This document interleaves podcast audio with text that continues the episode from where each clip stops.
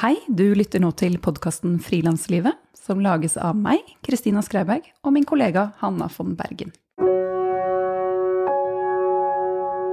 Denne episoden den er sponset av regnskapsprogrammet Fiken. Og Som frilanser er det mye du skal holde styr på, og mange syns kanskje ikke at regnskap er det letteste å ta fatt i. Eh, Fiken har som mål å gjøre regnskap lett. I Fiken kan du sende fakturaer, du kan ta bilde av kvittering med Fiken-appen, levere moms og skattemeldingen, og alt fra samme sted. Og du kan prøve gratis i 30 dager på fiken.no. Nå befinner jeg meg på en gård i bygda Lærdal i Sogn og Fjordane. Jeg er på besøk hos Mariell Øyre, som bor i et lite, gammelt hus omringet av vakre fjell.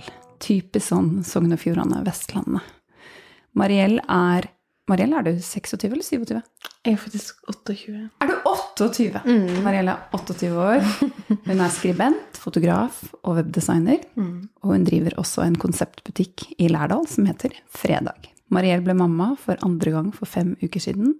Så at jeg i det hele tatt får komme på besøk, er jeg veldig imponert over. Selv er jeg på sommerferie i traktene og bruker litt av ferien på å snakke med Mariell. Min mann stepper inn og tar med våre to døtre på tur, og mannen til Mariell er på tur med deres to døtre. Takk for at jeg får være her, Mariell. Jo, så hyggelig er det. Nå sitter vi i sånn eh, Er det spisestua? Ja, vi kaller det for Vetlastova. Det er sånne navn på rom som sitter igjen fra 100 år siden. Ja. Men ja, spisestue, ja. Du, hvordan har du det? Eh, nybakt mamma for andre gang, eh, samt at du er frilanser og har egen butikk. Hvordan går det akkurat nå for deg? Går, egentlig går det veldig bra. Det ruller liksom på på et vis. Dagene og ukene flyr forbi. Men vi har um, flinke folk som jobber i butikken, og da, da, går det liksom på et vis. Men det er jo um, Det går det er vanskelig å koble seg ifra på en sånn måte som en kan når en ikke driver noe som trenger kontinuerlig oppdatering og ja. Jeg er definitivt butikksjef sjøl om jeg er i permisjon. Jobber du sånn noen timer hver dag, eller? Ja, det, noen dager går det jo å jobbe, noen dager går det ikke å jobbe når en har en nyfødt baby. Men eh, det er mye sånn Ok, nå sover toåringen, da får en skynde seg en halvtime. Det er lite timer med jobbing og mer kvarter med jobbing litt her og der. Så kvaliteten på arbeidssiden er jo ganske låg akkurat nå, men det får bare ta det, ta det som det er. Men det jeg oppdaget da jeg var i permisjon med våre barn, er jo at man får faktisk ganske mye gjort på, kvart, på, et kvarter. Definitivt. Herregud, så effektiv. Aldri vært så effektiv i hele mitt liv. Rydda hele huset på et kvarter. Ja, eller bare fyrer av de e-postene ja. uten å tenke så mye. Ja. Sånn svare kort og kontant. Jeg snakka med noen om det her i går, at jeg satt jo da eh, under fødselen og svarte på e-poster eh, for butikken. Så som en kan når en har fått en herlig epidural. Eh, så jeg satt halvsov og svarte på business-e-poster. Så en kan definitivt være effektiv når en må. Ikke sant. Mm. Hvordan er en vanlig uke for deg? Sånn, eh, kanskje når du ikke er i permisjon, da, men når, når du jobber. Eh, altså, hvordan sjonglerer du alle de forskjellige oppdragene dine sammen med livet ditt? Mm, eh, det, det, er mer som en sånn samarbeid med mannen min. Vi jobber frilans begge to. Så frem til nå har vi jo hatt toåringen vår hjemme. Så det er litt sånn hvem tar ungen, hvem får jobba? Eh, basert på egentlig hvem som har mest å gjøre den veka. Og så er det øh, onsdag, torsdag, fredag, lørdag vi har oppe i, i, butikken. Så da må det være noen der nede, som oftest er det en av oss som er der. Og den personen liksom, i hermetegn får jobba, jobbtid, de mellom kunder. Så det, det, er en kontinuerlig prosess. Vi har ingen fast rutine liksom mandag en søndag, dag, tirsdag en søndag. Det er veldig flytende. Som håper jo på litt mer rutine nå som barnehagen kommer i gang.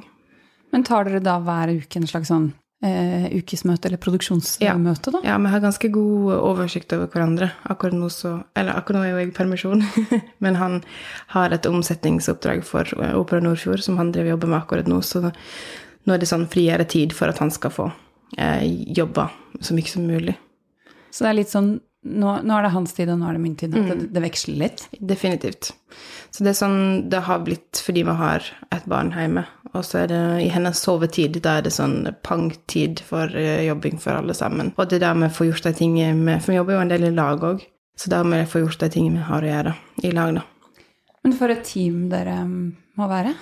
Ja, altså, vi ble jo i lag da vi var 14 år, så vi er jo et team, og har alltid vært et team det er halve livet.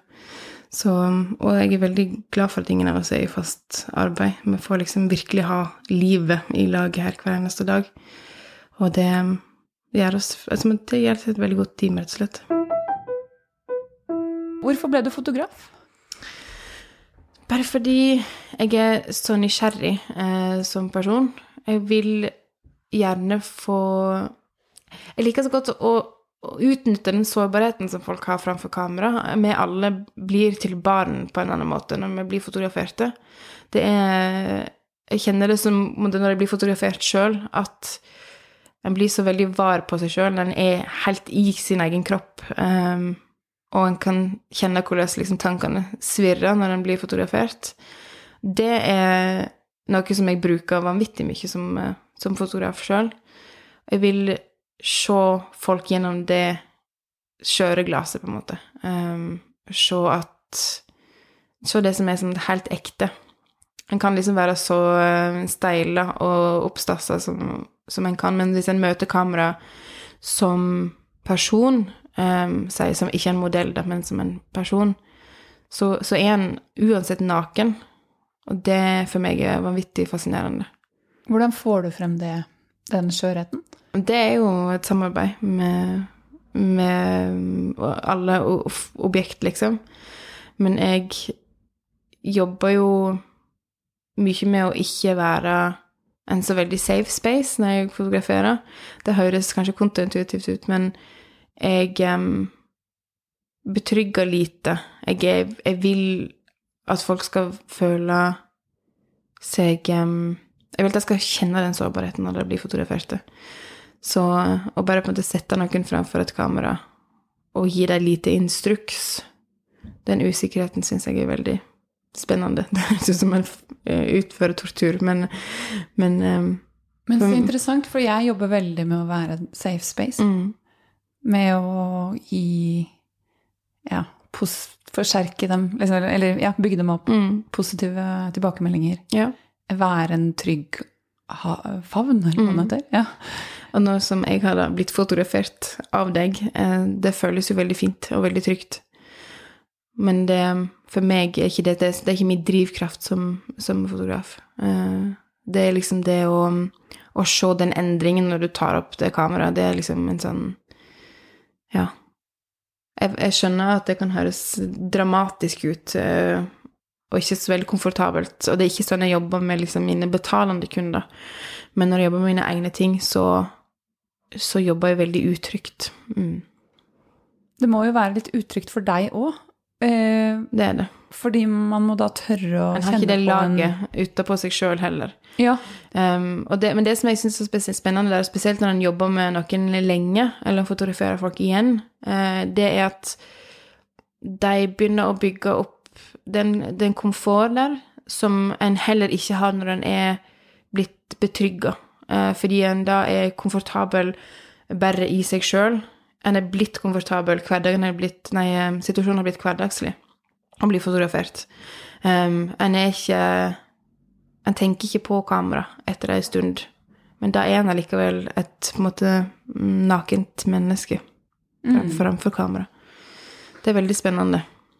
Men jeg merker at um, det er veldig forskjell på å ta sånn portretter til magasiner og um, når jeg tenker over det nå, det, og den type bilder er jeg mye mer safe space enn ja. når jeg gjør dokumentariske ja. prosjekter hvor jeg, ja. hvor jeg, håper at de egentlig ikke legger merke til meg. Mm. Så det er sant, det. Mm. At ja. At da vil jeg nesten ikke si noen ting. Nei. La det skje. Mm. Og la det skje, ja. Men eh, kan du fortelle um, eh, i sted uh, snakket vi litt om et prosjekt du jobber med, mm. eh, om en eldre kvinne mm. i Lærdal. Ja. Kan du ikke fortelle litt om det prosjektet? Jeg jobber med ei Enn så lenge er det ei bok som jeg vil, da, eh, vil lage. Og den er egentlig Ideen er født av møtet med henne. Eh, hun er ei eldre dame som er veldig sånn i bildet nede Gamle Lærdalsøyri. Eh, alle som bor der, vet hvem hun er. Alle som jobber der, vet at hun kommer til det tidspunktet, det tidspunktet. Um, de som jobber i butikk med trapp, kommer ut for å ekspedere henne, så hun skal slippe å gå opp trappa. Liksom. Hun er en del av som like mye som bygget som er der nede. Um, og hun er så full av historier at hun, hun fanger noe ved meg eh, som jeg ikke klarte å slippe. Så jeg er nå i en prosess med å, å fotografere hverdagen hennes, egentlig, og livet gjennom hennes, um, hennes øyne. Mm. Rent praktisk, hvordan gjør du det? Jeg bare, er med og bruker tid med henne. Jeg er rundt henne, i huset hennes, rundt huset hennes. Um, det er en sånn utrolig drøm om å liksom være den Sophie Kall-fotografen som får, får, lov til å få utløp hos meg. Mm. Og faktisk få dokumentere en annen person sitt liv. Skjønner hun hva du driver med? Ikke helt. Um, jeg tror ikke hun i alle fall har skjønt at det er ei bok som handler om henne. Jeg vet ikke om hun da hadde vært like komfortabel. Men hun, um, hun stiller jo veldig sporty opp. Mm. Ja, fordi mange skjønner jo ikke at uh, Hvorfor gidder du å henge rundt meg? Mm. Mm. Ja, nei, for, jeg, jeg tror for mange eldre mennesker så skjønner de at de har historier, de har noe å fortelle, men at hun skal liksom være uh, fotografisk interessant, det tror jeg ikke at hun helt har omfavna. Og det passer meg egentlig helt utmerka. du er jo oppvokst i en dal innerst i Sognefjorden. Og ja, som du nevnte, da du var 14, så ble du kjæreste med Jostein. Mm. Eh, som er fra denne gården vi er på nå, ja. i Lærdal. Og i 2011 så flyttet dere sammen til London og bodde der i fem år. Kan mm. ikke du fortelle litt om det å flytte til London, og hvorfor dere valgte det? Mm. Vi hadde hatt en drøm fra jeg var kjempeunge, liksom 15-16, om at vi ville til London. Av egentlig helt Jeg husker ikke hvor den fantasien kom ifra, men det var en sånn fantastisk ting å jobbe imot. Så gikk vi på videregående, og etter det flytta vi til Oslo, der Jostein tok bacheloren sin på to år. Og så jobber vi oss liksom imot å få flytta til London av en eller annen grunn. En føler jo alltid at en må ha en grunn til å, til å gjøre noe. Så kom han inn på skole eh, i London, og da flytta vi da, liksom. Det var et godt tidspunkt. I mellomtiden så jobba jeg frilans eh, i, i, Norge, rett og slett, eller for Norge. Men dragningen mot England var, var liksom total fra vi var ja, 15-16 år. Så vi bare måtte dit. Jeg bodde der selv i fire år, ja. så jeg skjønner deg godt. Ja. Hvor bodde du? Eller dere? Vi bodde i Sørøst-London. Først i um, Lewisham, og så i New Cross. Jostein gikk på skole på Goldsmith på Newcross. Og gikk du på skole, eller var du Nei. Eh, jeg, min siste fot innom skolevesenet var på fotoskole i Oslo. Der jeg droppa ut etter halve semesteret. Bare fant meg liksom ikke Ble ikke helt komfortabel der. Så etter det så har jeg liksom ikke vært noe gira på det. Det siste året har jeg tenkt kanskje jeg blir en sånn person som starter på skole igjen når jeg er liksom 40, men, men jeg er liksom jeg er komfortabel med å jobbe. Jeg vil gjerne jobbe, uh, iallfall nå, den porsjonen her av livet. Å lære mens man jobber? Mm, definitivt. Hva likte du best med å bo i London? Um, bare livet vårt der var veldig Det var et veldig komfortabelt liv. Um, vi hadde veldig nære, gode venner, som, og alle jobber frilans, så det var en sånn veldig flyt av liksom Når skal vi treffes, og henging på dagen og jobbing på eh, altså fine kafeer. Det det var liksom en, en drøm av, av et frilansliv, rett og slett. Og så fant vi liksom bare ut at vi ville reise hjem. Mm. Hvordan kom den avgjørelsen? Den kom egentlig bare som et uh, sjokk for oss begge to. Vi var ikke klar over det, men på hver vår kant så hadde vi bare funnet ut det begge to. Så når det, samtalen kom opp, så var vi helt enige allerede. Så vi er veldig Jeg vet om veldig mange som flytter hjem fra England til Norge eller til Skandinavia, som, som har det veldig som en sorgprosess der, og da liksom, så jeg liksom må flytte hjem, eller Men for oss så var det en sånn utrolig organisk avgjørelse som kom bare av å være litt sånn metta, litt sånn lei av eh, fart og lyd, og kjente et behov for å komme hjem. Men jo eldre en blir, jo mer Iallfall føler jeg at en får mer behov for de tingene en hadde når en var yngre, eller når en var liten. Og så ble det jo I den prosessen da jeg flytta, så ble jeg gravid, så det passa jo perfekt for oss å reise hjem da. Det var aldri et alternativ for oss å ha eh, unger i England. Liksom så um, langt ifra familie og vanskelig praktisk. Jeg var jo ikke gravid da jeg valgte å flytte tilbake fra London, men jeg var 25, så kanskje sånn omtrent det dere var. Ja. Og jeg kjenner meg sånn igjen i det du sier, for eh, jeg elsket å bo i London. Men eh, det var som jeg nesten våknet opp en dag og bare gikk ut av døren og bare Jeg er forsynt. Ja, jeg er ferdig. Det er, det er helt Ja. Jeg skal ikke bo her lenger. Nei. Nei, og jeg Jostein, jeg var jo veldig mye ute liksom i, i byen. Vi elska jo å henge i ganske sentrale strøk, liksom, i de veldig grandiose bygninger og flotte bokhandler og liksom sånn. Um, så jeg tror egentlig det var litt det òg, at vi ble bare så pangleie av det store, eh, det travle. Jeg lengter jo tilbake til London nå som venn, egentlig mest. At jeg lengter mot vennskapene vi har der, og vennene våre. Men ikke så veldig mye til byen, egentlig. Hvordan var overgangen fra London til Lærdal? Den var jo, I og med at vi var jo ganske mye i det huset her før vi flytta òg. Vi var her liksom hele sommeren og bodde her når vi var hjemme. Det bodde liksom aldri Vi var ikke innom barndomshjemmene våre liksom, når vi var hjemme. Um, så var litt sånn at vi fikk endelig komme hjem, for det her var vårt hus. Alt handler om huset for oss, liksom. Um, men overgangen i seg sjøl var egentlig ganske glatt, for den tok veldig lang tid. Det var nesten et år før vi bestemte oss for å flytte, til vi flytta hjem. Så både vi og, og liksom alle vennene våre fikk tid til å prosessere den informasjonen på en veldig um, ja, laid back måte.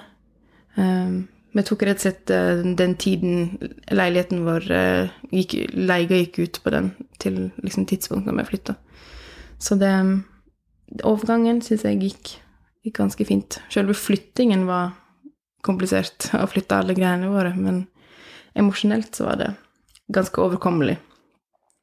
Men hvordan er det å ha bodd i en by med, hvor man kan gjøre og smake på og lytte til og være med på alt, egentlig, døgnet rundt? Det er til fantastisk. å komme men- til ro. Mm, Den roen her. det, det er fantastisk å, å være Det er fantastisk å være her. Det er fantastisk å vite at vi var ute. At vi på en måte Vi gjorde det. Den store tingen, den store prosenten av livet vårt som var der. Og det er en utrolig ro i det òg, å vite at liksom det er ikke noe, Jeg har ikke noe fomo, liksom. Folk som hører om andre som bor i spennende byer, liksom. Fordi vi har gjort det. Og jeg kan jo selvfølgelig lengte mot porsjoner av det livet, men jeg er så vanvittig glad for at vi har landa her. Det er det det føles som, at, at livet i London var Ikke at det var utsvevende, men mer flytende. Og at det her er på en måte Ja, at vi har røtter her. Og vi har faktisk det, alle familier vi har her. Ting som blir viktige når man Spesielt når man får barn. Men, Definitivt. ja. Mm. da, da jeg kom til gården her, så sa jeg jo da jeg, gikk ut av bilen sånn Hvem, hvem bor sånn her? det gjør jo dere. Det gjør vi. Eh, Med fjell på begge sider Mm. og, elven som renner Mm. ja, noen hundre meter ned. Bringebær, eh, Bringebær gård som nabo. Ja. Det er ganske idyllisk, det er. Men det er jo langt ifra alt òg. Vi har jo Altså, hvis jeg tenker på ting som vi ikke har, så er det jo Vi har familier, men altså alle våre, alt vårt sosiale liv er liksom i, i byene rundt. Så han gir jo gir slipp på noen ting òg, men jeg føler at det er definitivt et eh, Vi har gjort et bra valg. Et godt valg. At det var et enkelt valg.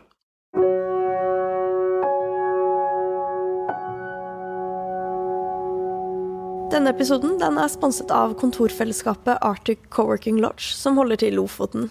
Her møtes frilansere fra hele verden for å bo, jobbe og utforske Norges råeste natur. Du finner gode senger, lynkjapt internett og et inkluderende sosialt arbeidsmiljø. Er du interessert i å være en digital nomade? Bruk koden 2019 og få hele 20% på din neste booking på arcticcoworking.com.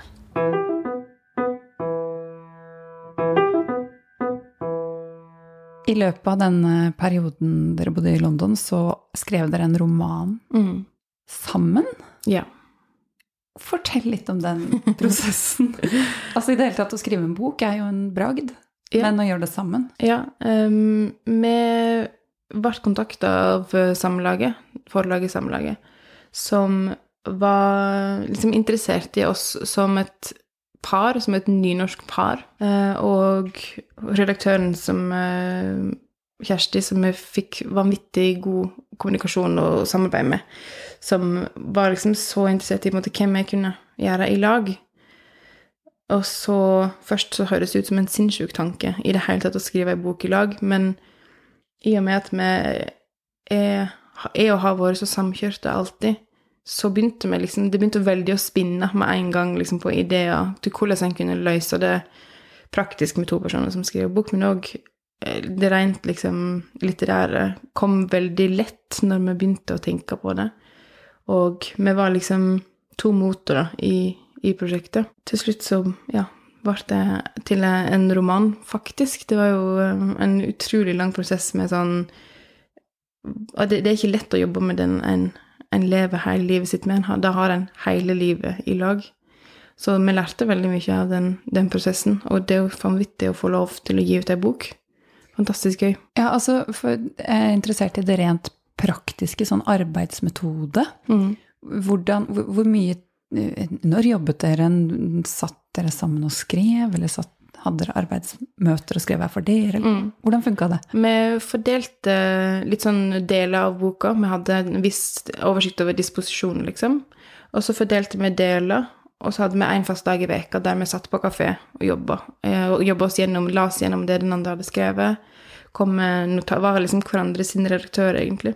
Og passa det inn i det store puslespillet, på en måte.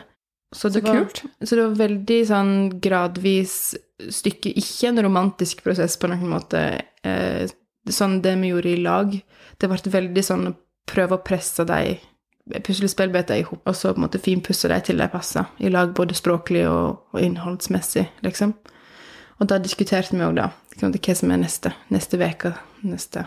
Og så hadde vi et mål for dagen eller for veka med liksom, mengde med ord, eller sånn som endra seg utover hvor, langt, hvor nærme vi kom inn deadline. Jeg sitter her litt sånn med åpen munn målbundet. For du sa det ikke er et romantisk bilde av Eller et eller annet sånt sa du nå nettopp. Ja. Men jeg får et veldig romantisk bilde av et par fra Sogn og Fjordane som sitter på kafé sammen i London og skriver ja, på en roman. Jeg ser at det ser bra ut, eh, men det er liksom det var av og til en ganske vanskelig prosess å plukke fra hverandre eh, noe som noen du lever livet ditt til med har skrevet, og lagt hjertet sitt i å være uenige i det estetiske, i det litterære. Det, det var definitivt en veldig lærerik og hard prosess. Um, så det, det, er det jeg mener når jeg sier at det ikke var en romantisk prosess. Det, det kan jo høres så utrolig sånn Sitte på kafé og skrive bok i lag. Um, men det var til tider en ganske hard, hard jobb. Fordi etter at du har gitt kritikk eller tatt imot kritikk, så får du jo ikke så mye tid til å på en måte fordøye den alene. Du skal nei. jo legge deg samme ja. person ja, samme kveld. Nei, nei. Og vi er folk som prater konstant, prosesserer i lag, har alltid gjort. Og det er jo òg på en måte en eh, en ting som skjer når en, når en er i lag hele livet. Vi er totalt avhengig av hverandre i, i prosess, både når en jobber med å jobbe i lag, men òg med, med andre, andre, andre prosjekt vi jobber med. Ja, slik dere lever livet nå mm. også. Mm, definitivt. Skal dere skrive mer, tror du? Eller vi, vi vil det, og jeg vil det. Og vil definitivt jobbe mer kreativt nå det nærmeste året. Nå har det vært litt sånn uh, jobber og posisjonere seg litt, liksom, i, i, her i Norge og i mm, Spesielt min jobb som bryllupsfotograf og liksom mer sånn inntektsbringende praktisk arbeid. Um, men nå har jeg, kjenner jeg veldig dragning mot å jobbe mer kunstnerisk, jobbe mer litterært. Så jeg drømmer veldig om det, men jeg kjenner at det er òg arbeid som krever mer enn det der kvarteret du får. Og um, en kan sikkert skrive en roman på mobilen sin liksom, mens en ammer, men jeg tror ikke Jeg er ikke helt der. Så jeg vet ikke. Jeg lengter mot lengre tids, et større tidsrom der en kan få gå inn i sin egen hjerne uten å måtte liksom tørke opp melk som noen har sølt, eller å være en praktisk person i heimen. Liksom Mine jenter er jo akkurat tre år eldre enn dine, mm. men akkurat samme aldersspenn imellom. Ja. under to år mellom dem. Og mine er tre, og den eldste blir snart fem. Og jeg lengter fortsatt etter de lange, Ja. lange ja, rommene med tid, da. Ja, ja. Åh, ja. Men, det blir en gående lengtende? det lurer jeg på. ja, jeg tror man blir som småbarnsmor blir gående og En lengtende vet litt. ikke hva en har når en bare kan frilanse i ID-fri. Ja, og kan, eh, som jeg sa til min mann eh, etter sommerferien, for nå har vi jo vært sammen hver dag i fem uker, Mm. som er helt fantastisk, det òg. Ja. Som er veldig verdifullt. Men eh, for det første syns jeg det er utrolig godt å komme og besøke deg eh, og gjøre dette en dag. Mm. Og bare få gjøre, jobbe litt med mitt. Ja. Men som jeg sa til han, eh, kanskje vi skulle satt bort barna en helg etter ferien, eller spurt besteforeldre om de vil ha passende. Han ba, ja, så da kan vi være sammen og finne på noe. Nei, du, da, da ønsker jeg meg en jobbehelg, Ja. hvor jeg kan sitte liksom 48 timer i strekk Og jobbe. jobbe. og jobbe. Ja. Ja, så det er jo litt sånn at man Ja. lengter etter å få sitte og skape i, i ro. ja. Jeg skal omfavne barnehagen når den yngste blir så gammel at hun kan begynne der. Og, og ta de dagene, ta de timene sammenhengende. det. En får ikke helt den roa. Og en kan lett redigere liksom 15 bryllupsbilder her og 15 bryllupsbilder der. En trenger ikke å, å gå inn i det med hele seg, med hele sjela. Men for min del iallfall, jobbe kreativt og jobbe med hele meg, da trenger jeg, trenger litt mer tid. Tenke de lange tankene. Mm. Men jeg har tenkt litt at det, det, jeg har en del sånne prosjekter som krever de lange tankene, at jeg må bare parkere de litt. Men så merker jeg at de går og liksom At jeg jobber med dem sånn i hodet, da. I dusjen og i Ja. bilen og Ikke sant? mm. Så de, de er i prosess kanskje likevel. Ja, under der. Ja. Det fins jo ei bok der, eh, mellom meg og Jostein, som vi veit hva den boka er. Det er bare å få den tiden til å skrive henne. Men et, det er interessant, den prosessen der òg, fordi vi begynte jo da med den boka ganske kort tid etter den andre boka var vært gitt ut for fem år siden. Så den lever veldig i oss, eh, og det er veldig spennende å se hva som skjer med ei bok når den får lov til å leve og være i prosess. Så ting endrer seg hele tiden. Det er liksom litt som å få, få lov til å bruke så mange år på, på å skrive ei bok. At den, eh, karakterene blir veldig fulle. I mellomtiden har vi jo blitt foreldre. Det påvirker veldig kar karakterene i boka, naturlig nok. Så det Jeg tror dette skal bli veldig spennende når vi får gjort det. Det er bare når vi da må mobilisere de to voksne personene i huset for å få gjort det arbeidet, så trenger vi å vite at det, det fins nok rom og nok tid til å få gjort, gjort jobben, rett og slett. Mm. Mm. Altså mange som kommer fra relativt små steder, altså Lærdal har vel, hva er det, 2000 innbyggere? Mm, ikke sant. Eh, mange velger jo å flytte ut. Mm. Dere valgte jo å flytte tilbake. Eh, kan ikke du fortelle litt om Altså, dere har jo hatt et personlig valg, men har dere også kjent på et ansvar om å tilføre bygda noe, eller? Ikke umiddelbart. Umiddelbart flytta vi hjem og tenkte liksom Vi er frakobla. Vi er ikke på en måte Vi eksisterer her på denne gården langt ifra sentrum og er liksom i sentrum for å kjøpe maten vi trenger. Men etter hvert som butikken kom, og det, det er definitivt en voksende ansvarsfølelse for å være de personene, for å være den fotografen da, som er i bygda, eksempel. At en kjenner definitivt, og spesielt for den gamle delen av Lærdal, kjenner jeg et veldig stort ansvar å være der og ha åpen, og være, liksom at ja, døra hos oss er åpen, og vi skal tilføre noe.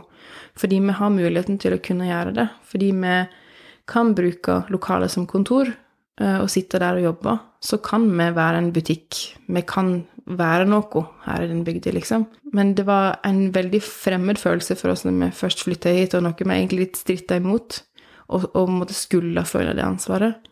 Men så kom det liksom litt den ansvarsfølelsen, men definitivt mer liksom med glede enn enn med en pålagt ansvar. Ja, ikke Mm. sant. For nå har vi jo ikke snakket så mye om butikken enda, men det skal vi. Mm. Eh, fordi dere har en eh, helt nydelig butikk inne i, eh, inne i Lærdal som heter Fredag, som ble åpnet i september 2017. Ja. Og der har dere altså Det er veldig sånn kuratert, ser man, med bøker og magasiner, karameller og limited edition designsokker fra Paris, eh, putetrekk, vakre notatbøker og kort, og treleker til barn, hårstrikker i Liberty-stoff fra Mm. London. Sånne vakre ting man får lyst til å bare plukke med seg hjem er til helga. Mm. Ja, og det har jeg skjønt at det er målet. Det, det å starte butikk, kan ikke du fortelle litt om det? Hvordan det Ja, hvordan var den prosessen? Det starta egentlig med bygget i seg sjøl. Lærdal er en del av et prosjekt akkurat nå som heter Levende lokale.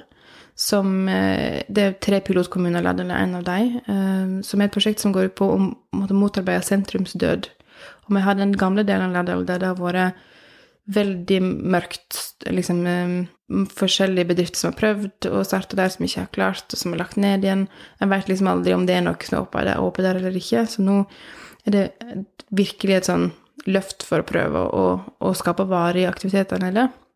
Så vi fikk et spørsmål av de som eier bygget, rett og slett, om vi visste om noen som kanskje kunne tenke seg å starte noe eh, der nede, og hoppa egentlig på sjansen samme kveld. eh, og begynte allerede, Samme kveld? Ja. Eh, og begynte allerede da å researche. Jeg er en researcher av rang. sette sammen vareutvalget allerede da vi, men jeg visste ikke at det var noe jeg hadde lyst til, egentlig. Og så fikk vi bare muligheten i fanget og hoppa på det, fordi det er en toetasjes eh, bygning, som jeg vil kunne ha kontor og fotostudio i andre etasje. Og ja, fordi ingen hadde spurt oss om å gjøre det før. Vi bare tenkte ok, vi kan gjøre det. Vi gjør det. Um, så ja, vi fikk spurt om det i januar i fjor, og i september så åpner vi. Og når vi ble spurt i januar, så så bygget ikke ut som det er nå. Det var ganske kraftig renoveringsarbeid fram til omtrent ja, veka før vi åpna. Som dere også sto for? Eller? Nei, det er heldigvis de veldig fantastiske eierne som eh, har sånne ildsjeler for, for gamle bygninger. Som tar seg av gamle bygninger på en veldig um, omsorgsfull måte. Mm. Veldig heldige med dem. Men det å, å flytte tilbake fra en storby og komme hit og åpne butikk, og får dere noen um, reaksjoner? Altså jeg tenker litt sånn på jantelov, eller folk som tenker at hva Som ikke skjønner helt hva dere driver med? Jeg tror egentlig ikke det. Altså sånn, vi har vi er jo blitt de folkene liksom, som sier hei til alle på Kiwi, fordi vi er nå butikkeiere i den byg, bygda her, liksom. Men janteloven har jeg kjent veldig lite på. Det kan jo være at jeg er blitt immun etter så mange år som blogger. At det liksom eh, Det er ikke noe jeg helt eh, tar inn over meg. Men de, alle som er innom, er liksom så vanvittig positive til at det er noe der i det hele tatt. Men òg til liksom de varene vi har, og det utvalget vi har, og det vi gjør. Så Nei, jeg kjenner ikke på det er veldig, Det er veldig godt å kunne si det. At, Ja, så deilig. Ja. Ja, Det hadde vært litt kjipt om du måtte sitte ja. ja, folk hater oss her. Ja. og ja, jeg kjenner masse på deg i den lille bygda. 2000 folk. Nei, faktisk ikke. Så herlig. Butikken fredag. Ja. Eh, altså om sommeren så er det jo, eller sommerhalvåret så er det jo nokså mange besøkende i Lærdal. Helt klart. Hvordan, hvordan er det på vinteren, eller hvordan får du det her til å gå rundt? Altså, noen dager er det nøyaktig null mennesker eh, innom i butikken. Som eh, får lov til å være greit, fordi det var det som var tanken, at jeg kunne sitte der og jobbe. Det betyr en veldig konsentrert arbeidsdag for oss på andre felt. Men rent økonomisk så går det, går det rundt kun fordi jeg har en nettbutikk eh, der jeg har en sånn fantastisk lojal følgerskare som, eh, som nytter seg av den, og som selvfølgelig snakker om den og deler den med andre. Og det er så, klart andre folk som handler, handler der. Men, eh, men det er definitivt fordi den går, den går rundt fordi at jeg har en blogg som folk leser. Mm. Og butikken eh, fungerer jo også som skal være fotostudio i Mm. andre etasje. Oppe i andre etasje. Ja, Så det blir liksom en, en space hvor dere har Ja. butikk og Kreativt jobber. space, ja. Mm. Og med den eh, fotoboka så ønsker jeg å bruke det måtte, siste, det tomme rommet oppe i andre etasje til, et utstillingsrom, eh, da, og vise frem de bildene. Mm. Jeg gleder meg til å komme neste år. Det og se det. Det hvordan det absolutt. Mm. Det å livnære seg eh, som frilanser på et lite sted, eh, hvordan gjør du det? Altså, hvordan får du oppdrag? Hvor, hvor kommer de fra? Og jobber du mest her i Lærdal, eller eh, flyr du rundt over hele landet? Jeg jobber nesten ingenting her i Lærdal. Eh, på den måten så Eller altså, jeg jobba på akkurat samme måte som jeg gjorde når jeg bodde i London. For jeg jobba i London, heller aldri i London. Eh, det var kun oppdrag i Norge, norske penger. Jeg hadde aldri en britisk bankkonto. Um, så jeg jobba nøyaktig samme vis. Den delen har gått veldig flytende. Eh, selvfølgelig noen fotooppdrag her og der, butikken som er mer sånn. Men eh, frilansdelen er nøyaktig det samme som den har vært. Så veldig mye av oppdraget jeg får, er rett og slett via å være ja, en blogger og ha en, en, visuell liksom, portefølje på internett. Og Jungeltelegrafen, på en måte, ifra det. Hvor lenge Så- har du blogget? I ti år. Og eh, stemmer det at det er verdens største nynorskblogg? Jeg tror det fortsatt gjelder gjeldende, ja. Ja. Mm. Så det, er- det har vært en viktig kanal for deg? Eller, det er sånn det utvilsomt veldig, veldig viktig.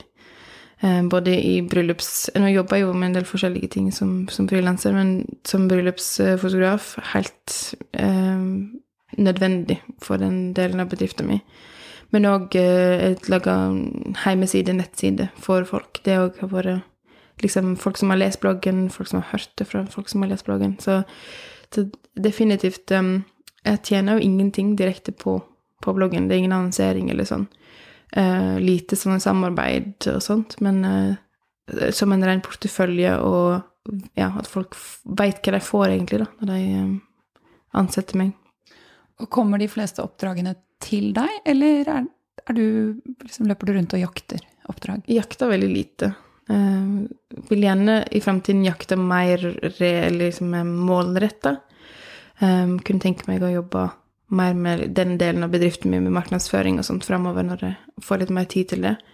Men mesteparten av jobben det syns jeg er fascinerende som frilanser.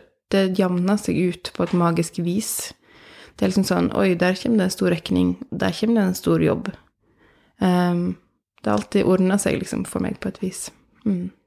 Ja, jeg er også sånn, jeg kan ha tre måneder med nesten ingen inntekt. Nettopp. Fordi jeg sitter og kanskje fordyper meg nå, eller Mm. legger om hjemmesiden min, Mm. eller hva, hva enn det er. Og så er de neste tre månedene inntekten for det siste halvåret. Ja, og det er litt sånn når en jobber som drønefotograf. Sommeren er liksom ekstremt innbringende. Og så da har du råd til januar-februar, som alltid er vanskelig for, for frilansere. Ja. Men man skal ha stålkontroll. En skal det. Og is i magen. Definitivt. Jeg har mer eh, is i magen enn stålkontroll. Jeg vil jo si du er veldig modig. Eh, det- er alle frilansere, egentlig. Men eh, du gjennomfører jo veldig mye. Hvor på en måte kommer det fra, vet du så? Nei, altså Jeg føler at veldig mye av det kommer fra en veldig stor redsel for å bare skli inn i et A4-liv. Og jeg veit ikke hvorfor, men jeg har alltid vært så redd for det. Og jeg har aldri hatt en, en vanlig jobb. Vil aldri ha en vanlig jobb. Og da blir det på en måte ikke noe alternativ enn å fullføre ting og, og gjøre Gjennomføre ting som du vil gjøre. Og som, som frilanser òg Vi er ganske mange frilansere. Er ganske mange om beinet. Um, og jeg har funnet ut at det funker ganske ofte å på en måte bare finne på ting sjøl og gjøre egne prosjekt. Det lønner seg i lengden. Um, og, og omfavne den kreativiteten som en har mulighet til å ha når en jobber frilans. Um, det er ikke nødvendigvis sånn at en tjener, tjener noe på det faktiske kreative prosjektet en gjør, men det kanskje får noen til å se deg eller noe i deg som, som kan bli veldig innbringende. Og fordi det har lønna seg for meg eh, så lenge, så føler jeg meg veldig trygg i det, og i å bruke den kreativiteten og, og, og fullføre det prosjektet som jeg, som jeg brenner for. Og jeg kan nesten føle at jeg har mer eh, kontroll når jeg for, Fordi jeg kan påvirke hverdagen min så veldig mye Mm. enn om jeg hadde vært i en fast jobb. Definitivt. Det føles trygt å liksom ikke sitte fastlåst på et kontor en viss mengde timer for dagen. En har òg råd til å ha et rikt følelsesliv, f.eks. Å kunne Ikke nødvendigvis med to små barn, men liksom det der med å bestemme sjøl når du skal jobbe, og bestemme sjøl når du skal hvile.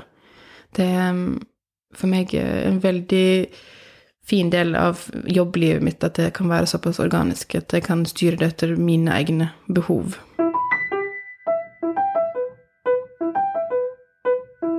Jeg leste på bloggen din et veldig sånn sterkt innlegg om at du ble mobbet da du var ungdom. Mm. Som jeg liksom fikk tårer i øynene. Det var helt nydelig. Mm. er det noe du har lyst til å fortelle litt om? Det var definitivt en veldig sterk kraft i å ville eh, reise og ville flytte ut, liksom. Og det å flytte ut var jo ekstremt viktig i min eh, Ja, resten av hvordan livet mitt har blitt, liksom. At jeg ikke vært, jeg flytta ut hjemmefra da jeg var 16. Har det vært en motivasjon, eller sånn liksom Definitivt som um, også, Men også som fotograf, egentlig. At en ser på meg sjøl veldig som en observatør, og liksom Ja, på sida av uh, det vanlige. Kanskje det er det at jeg ja, har brukt veldig mye av tiden min på å ja, posisjonere meg i forhold til andre. Um, og være trygg på en måte i det, og måtte være trygg i det.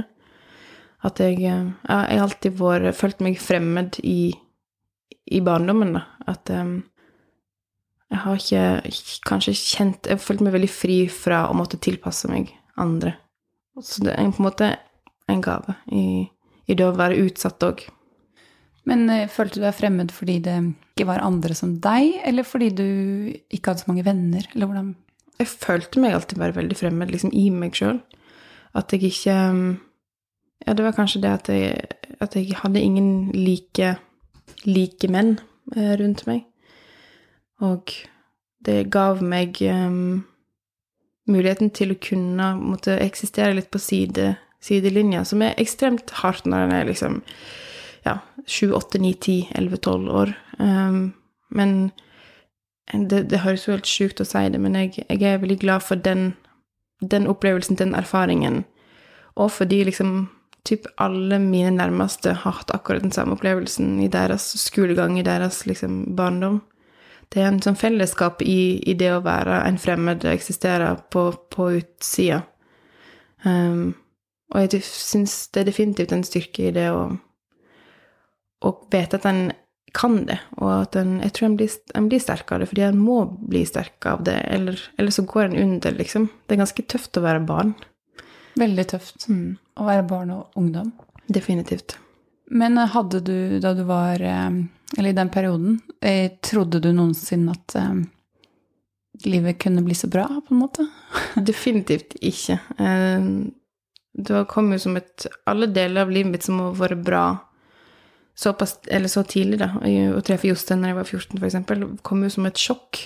Jeg var innstilt på liksom å leve livet mitt alene i et eller annet hus i Gokk eh, med en katt. Um, men det det ga meg òg en sånn utrolig driv til å komme meg ut, til å komme meg opp. Um, og det at jeg ikke passa inn i skolesystemet, eller i måte det sosiale i skolen, gjorde òg at jeg passa ikke inn eh, i institusjoner. Jeg, eh, jeg finner meg aldri komfortabel der. Og det er jo en utrolig motivasjon til å finne noe som, der en er komfortabel, og der en føler at en fungerer. Det må jo ha vært et utrolig viktig møte å møte Jostein? Definitivt. Det er jo det viktigste som har skjedd liksom, i, i hele mitt liv. Det som har staka ut kursen liksom, for alt. Som, hvis jeg ikke hadde truffet Jostein, hadde jeg jo ikke flytta hjemmefra eh, når jeg var 15-16 år. Um, det var fordi han skulle flytte til en skole langt vekke, og jeg kunne søke meg inn der. Og det de sterkeste vennskapene mine er fra den tiden eh, på videregående. Men fra den barneskoletiden, eller eh, barndommen i hjembygda, Mm. er det, føles det som Altså det du har klart å gjennomføre etter den tiden, Mm. føles det som en sånn eh, Ikke hevn, det er feil, men em, Ja, hvordan, hvordan har du det med det i forhold til hvordan den tiden var? Jeg ser ikke egentlig på det så veldig i forhold til den tiden. Um, jeg prøver å ikke liksom bære det med meg. Det er ikke noe Det er definitivt en stor del av barndommen min som jeg eh, Det er en stor bit av, av meg, men jeg opplever ikke prestasjoner på en måte sånn i forhold eller relasjon til, til det som skjedde der. Og det er litt deilig òg å bli voksen og på en måte se at jeg veit at liksom alle unger gjør sitt beste, eh, også de som mobber. Og det vet en jo ikke når en blir mobba, men det er utrolig frihetsfølelse i det som, som voksen, å bare kunne måtte legge det dødt og gå videre. Det betyr ikke det at jeg føler meg spesielt komfortabel i gangene på barneskolen. Det sitter jo på en måte i kroppen. Men, men um, det, det, er en frihetsfølelse i det å på en måte løftes opp og, og være et helt menneske og være voksen og, og gå, gå, videre. Um, definitivt. Men jeg er for, fremdeles fremmed. Jeg føler meg i skolegården uh, fremmed, rar. Mm.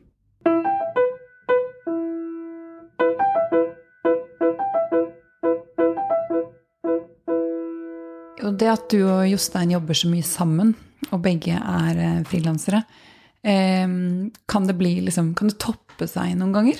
Kan det bli for mye? Definitivt. Um, spesielt når vi ja, Hvis vi er i lag 24 timer i døgnet. Nå er det på en måte normalen for oss. Men når det da er intenst, um, og en kjenner at en trenger egentlig litt space til å få prosessere, sånn som vi snakket om i stad, med det her med jeg prosesserer den andre sin kritikk, eller den andre sin informasjon eller input, eller hva slags nivå du legger det på, men så, så har du kanskje ikke helt den, den spacen til å, til å, klare å på en måte gå helt inn i deg sjøl og, og, faktisk ha den, den, indre prosessen. Det er veldig mye av våre prosesser som foregår out loud, liksom. Vi snakker veldig gjennom ting. Og det kan være ganske tømmende eh, ofte. Å ikke ha den, den egne uh, delen av det når vi jobber i lag. Så definitivt, det er veldig intenst. Men den har jo restitusjon, heldigvis. Hva syns du er det aller beste ved denne tilværelsen? Å styre livet sjøl. Det er kanskje det mest frilanssvaret av frilanssvar, men, men å bare liksom Hvis vi vil reise på hytta og jobbe, så reiser vi på hytta og jobber. Hvis vi vil Ja, jeg kan jobbe fra hvor som helst. Det syns jeg er det mest fantastiske. Og det, det har vært det mest utfordrende med å åpne butikker. Det blir så lokalt på en måte forankra med, med dørene skal åpnes skal låses, og skal, gulvet skal vaskes og, eh, og, alt det der. Um, men sånn i det generelle livet, det, det, er det å ha friheten. Det er fantastisk. Og jeg kjenner bare mer og mer på det jo eldre jeg blir. Jo, at jeg skal Vil aldri ikke prøve å tilsette meg. Ikke Nei, ikke ansatt deg. Ansett deg? Nei. Nei. Når har du det på en måte best? Jeg tenker sånn det der å føle at man har, er i flyt, eller bare mm. Sånn som når jeg fotograferer, så kan jeg bare føle at å, jeg kan bare fortsette i timevis. Mm. Jeg er ikke sånn når jeg fotograferer bryllup, f.eks.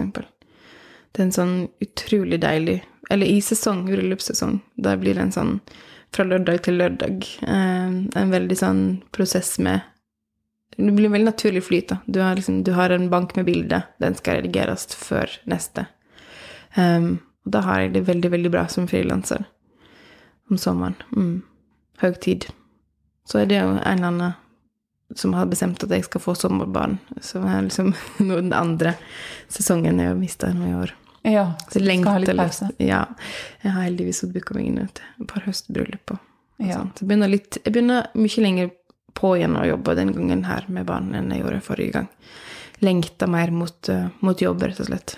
Har du noen videre visjoner for fremtiden?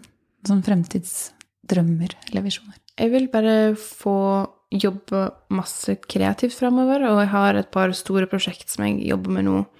Uh, mer fotografisk kunstnerisk, som jeg har lengta mot i årevis å få, få drive med. Så det føles uh, veldig bra å få, å få, gjøre det. Mer kunst og mindre på en måte praktisk og admin og, og sånt. Og kunne ja, sette vekk og noen av de oppgavene. Mm. Mm. Jeg sitter jo og tenker når du prater at eh, takk og lov for internett. Mm -hmm. for det er jo derfor du kunne dra til London og så dra hit og så fortsette å jobbe som før. Mm, og derfor jeg og Jostein ble kjent. Det var også det? Mm. Oi, fortell. Eh, nei, det var rett og slett et MSN-vennskap som blomstra. så det var fra ei vestlandsbygd til ei anna. Ei sognebygd til ei anna. Mm. Vært kjærester før vi hadde truffet hverandre en gang. Wow. Mm. Og så likte du han da du så han? Mm. Helt klart. Tusen takk, Mariell. Jo, takk. Tusen takk for at jeg får være her. Tusen takk. Hei. Hei. Likte du det du hørte i dag? Vi håper det. Hvis du gjorde det, så blir vi veldig, veldig veldig glade hvis du har lyst til å gå inn i iTunes og rate episoden, rate innholdet, og kanskje skrive en liten tilbakemelding. Eh, det gjør at flere ser episodene, og at flere lytter til oss, og det gjør at vi kan fortsette å lage denne podkasten. Tusen takk.